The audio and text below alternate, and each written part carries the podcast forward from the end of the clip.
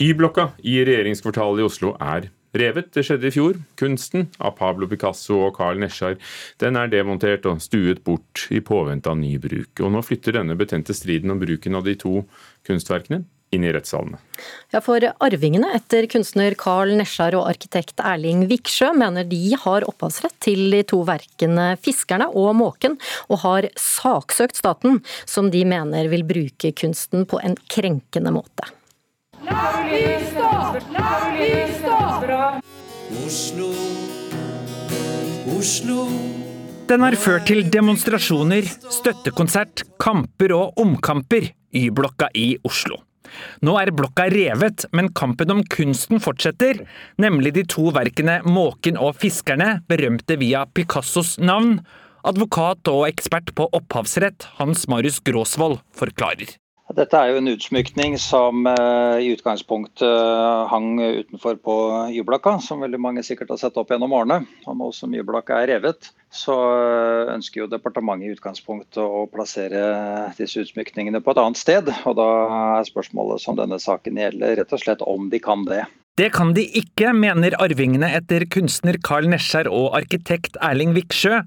De mener de må ha rett til å være med på å bestemme hvordan man skal bruke kunsten videre, sier deres advokat Ida Gjessing. Arvingene eh, mener at dette er et fellesverk skapt i et samarbeidsprosjekt mellom eh, Viksjø, Nesjar og Picasso. De har jo en ideell interesse i å ivareta verkenes anseelse og egenart, eh, og mener at den plasseringen som nå er foreslått, eh, ikke gjør det. Plassen hun snakker om er i det nye regjeringskvartalet, den såkalte A-blokka. Fiskerne er planlagt ved VIP-inngangen og måken ved resepsjonsområdet.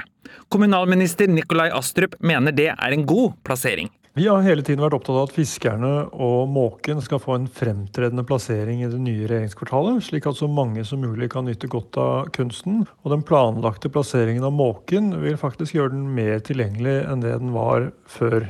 Saken skal opp i Oslo tingrett 22. til 25. mars. Minister Astrup mener det blir godt å få saken ferdig behandlet.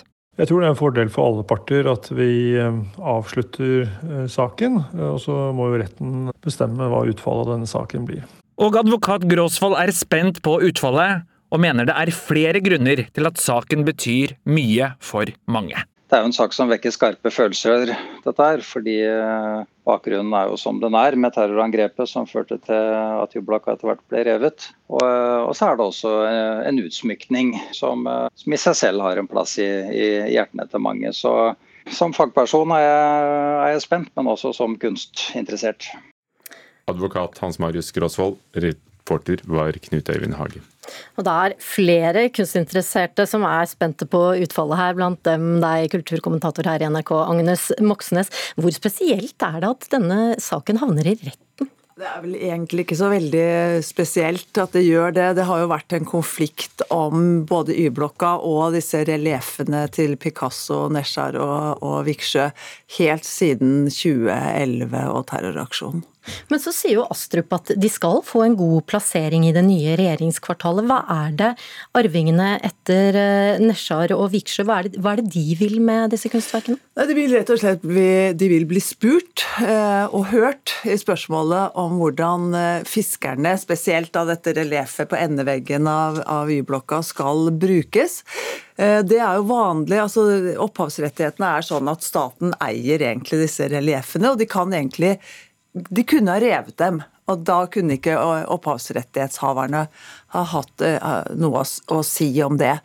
Eh, men i dette spørsmålet her, så er, ettersom det skal gjenbrukes, så er det da eh, de som er opphavsrettighetshavere som blir spurt. Og regjeringen eller staten har bare spurt Picasso-arvingene. Og ikke spurt Carl Nesjar, som jo var den som dro ned til Picasso, og fikk han til å tegne disse tegningene som eh, Nesjar eh, senere eh, tegnet inn på endeveggen på, på Y-blokka og i ja, måken som var i resepsjonen. Og heller ikke Viksjø, som tegnet dette som en integrert, ville ha det som en integrert del av sin arkitektur. Så det er et veldig interessant spørsmål. altså Hvem er det som har opphavsrettighetene, og hvem, skal, hvem burde blitt spurt? her. Og hvem er det som har det? Det er jo Picasso som har utformet det. Det er han som har utformet det, men det er, man kan ha i sånne tilfeller som dette her, så kan man ha delt opphavsrettighet. Sånn at det er jo som Hans Marius Grosvold sier her, at det er et interessant juridisk spørsmål, rett og slett. Og så hører vi altså at eh, disse arvingene mener at det staten har tenkt å gjøre med kunstverkene er krenkende? På hvilken mm. måte? Ja, for De skal jo da sette inn dette kunstverket inn i en helt ny arkitektonisk sammenheng. Eh, det er tegnet inn i det nye regjeringskvartalet av helt andre arkitekter. Eh, det de ønsker, er at, eh, at denne endeveggen, særlig den, da, fiskerne, skal eh, brukes, eh, altså stå, ha en frittstående plassering. Gjerne omtrent der hvor det har vært opprinnelig, altså, i det som skal ser ut til å bli en såkalt regjeringspark.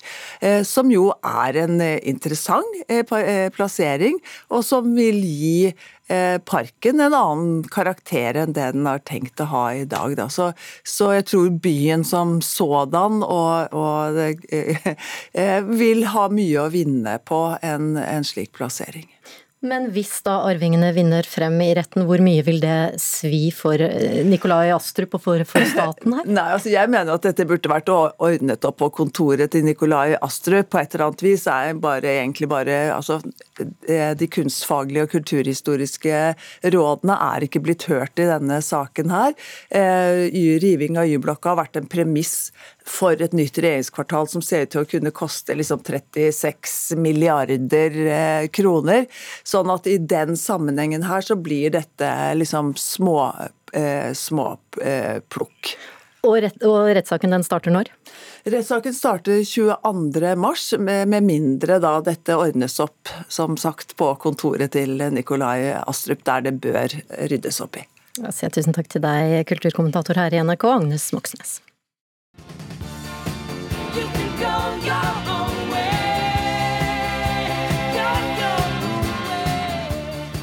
Denne slageren fra Fleetwood Mac har fått en ny eier. Lincy Buckingham, som gitarist og vokalist altså i Fleetwood Mac, har skrevet flere av sangene bandet er kjent for, har nå solgt alle rettighetene sine, apropos opphavsrett, til et stort fond, et musikkfond, som nå støvsuger markedet for populære sanger og melodier. Kulturreporter Thomas Alverstein Ove, hva skjer? Er dette det nyeste på investorfronten?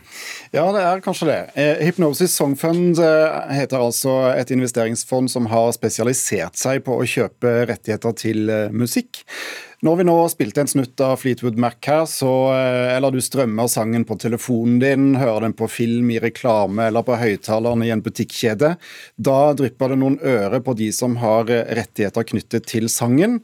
Det er eh, i utgangspunktet komponist, tekstforfatter, artist og produsenter, men kjøp og salg av denne type rettigheter eh, har eh, altså tatt av den siste tiden.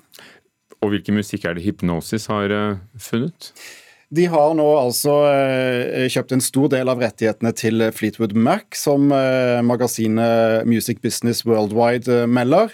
Men i løpet av de siste par årene har de også sikret seg rettigheter til bl.a. musikk av 50 Cent, Barry Manilow, Blondie og Timbaland, og ikke minst megahiten til Mariah Carey, All I Want for Christmas. De eier nå rettigheter til en verdi av nærmere 14 milliarder kroner. Dette er et marked som de store plateselskapene tradisjonelt har eh, kontrollert. Men nå puster Hypnosis eh, gamle bransjestrukturer i nakken, og de får eh, følge av andre lignende selskaper. Roundhill Music Royalty er et annet nytt fond i samme bransje, som har vokst rekordraskt, ifølge Financial Times. De jobber nå med å kjøpe rettigheter til musikk av både Beatles og Louis Armstrong.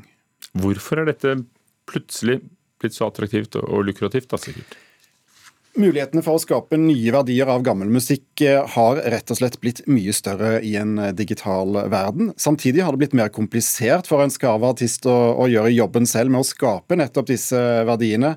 Og Det var kanskje det Bob Dylan innså da han for en måned siden solgte alle sine rettigheter fra seks tiår tilbake til Universal, i det som blir anslått å være musikkhistoriens største rettighetsavtale til en verdi av rundt tre milliarder kroner. Og I året som har gått, har artister også hatt problemer med å skape inntekter fra den vanligvis så lukrative turnévirksomheten. Og dermed har det vel trolig vært fristende for flere å realisere verdiene i gamle låter og selge disse til til slike fond. Sånn på tampen av karrieren. Takk skal du ha, Thomas Alverstein Ove. Forfatter Vidar Sundstøl kommer som vanlig med en roman i årets første uke, og den heter Jeg sank. Som vanlig, sier vi, for det er altså tredje år på rad at han eh, lanserer en eh, roman rett etter nyttår. Litteraturkritiker her i NRK, Leif Hekle, du har lest den nye romanen. Men eh, kan du mhm. aller først bare plassere Vidar Sundstøl for oss? Tegn et lite bilde, er du snill. Ja. Uh, Vidar Sundstøl debuterte i 2005 med en kortroman han er nok fremdeles best kjent for denne Minnesota-trilogien som kom mellom 2008 og 2011. Tre svært gode krimbøker fra norsk-amerikansk eh, miljø. Og Så kom det et par spenningsbøker som ikke har satt dype spor, iallfall ikke hos meg, før han eh, for eh, lot spenningssjangeren fare da, og kom med 'Hullet han krøp ut av for to år siden' og 'Oseberg' for akkurat ett år siden. Jeg sank er altså en, en annen type roman. Kan du, kan du si noe om, eh, om, om boken? Hva er ja, det? Eh, det, er, eh, det, handler om La oss gjøre det den, på den enkle måten. Det handler om Eddie Krumvik, som i likhet med Sundstøl er forfatter. Han har bestemt seg for å endelig å realisere et skriveprosjekt som han har gått med veldig lenge. Han reiser til Karmøy og Avaldsnes, og der skal han sitte og skrive en roman med utgangspunkt i et gammelt bilde. Det heter 'Seidmennene på Skratteskjær'. Ehm, det ble tegna av Halvdan Egedius i, eh, helt på slutten av forrige, forrige århundre, altså i 1899. Og det ble brukt i en praktutgave av Snorres Heimskringla. Og Det viser fire menn som er i ferd med å drukne eh, på Olav Tryggvasons ordre. Og Kromvik er det vi kaller en einstøing. Han klarer seg best uten andre. Han ser ned på mesteparten av verden rundt seg, forfatterkollegene inkludert. Ikke minst kravet om at man skal skrive seg inn i samtida. Kromvik vil skrive seg bakover, inn i det store dramaet som bildet om de druknende seigmennene Seidmennene, heter det vel, eh, skildrer. Og Det blir en roman der Eddie Krummek selv er hovedperson. En versjon av han som etter hvert eh, kommer fortellinga om seidmennene og deres mystiske, mytiske rolle og evner eh, nærmere enn han hadde tenkt seg. Det er jo, seidmenn er jo trollmenn da, i, i gammel tradisjon. Ja, for det er jo det. Når, når seidmenn er nettopp da trollmenn, så er ikke dette en skal vi si, direkte realistisk roman? Det kan vi si, ja. Den, er, eh, den, forlater realismen relativt fort. og Boka er for øvrig ganske kort, ca. 160 sider. Det er også blitt et varemerke for, eh, for Sundstøl. Eh, Tittelen 'Jeg sank' den antyder vel også at eh, det er flere enn disse trollmennene som dras mot det dypet og undergangen. Um, han har jo tidligere befatta seg med gammel tro og sagatid. Og vi skal nok ikke se bort fra at denne straffende, symboltunge drukninga eh, som seidmennene utsettes for, det kan også leses, eller skal kanskje, som et bilde på vår egen tids krise. Med stigende hav, f.eks. Er det en god bok? Ja, det er det.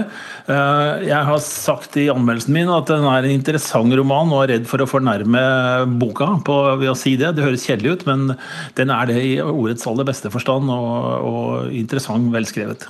Takk skal du ha. Eh, hele anmeldelsen din og alle andre anmeldelsene våre finner du på nrk.no anmeldelser, på, på internett altså. Leif Ekle, som hadde lest 'Jeg sank' av Vidar Sundstøl.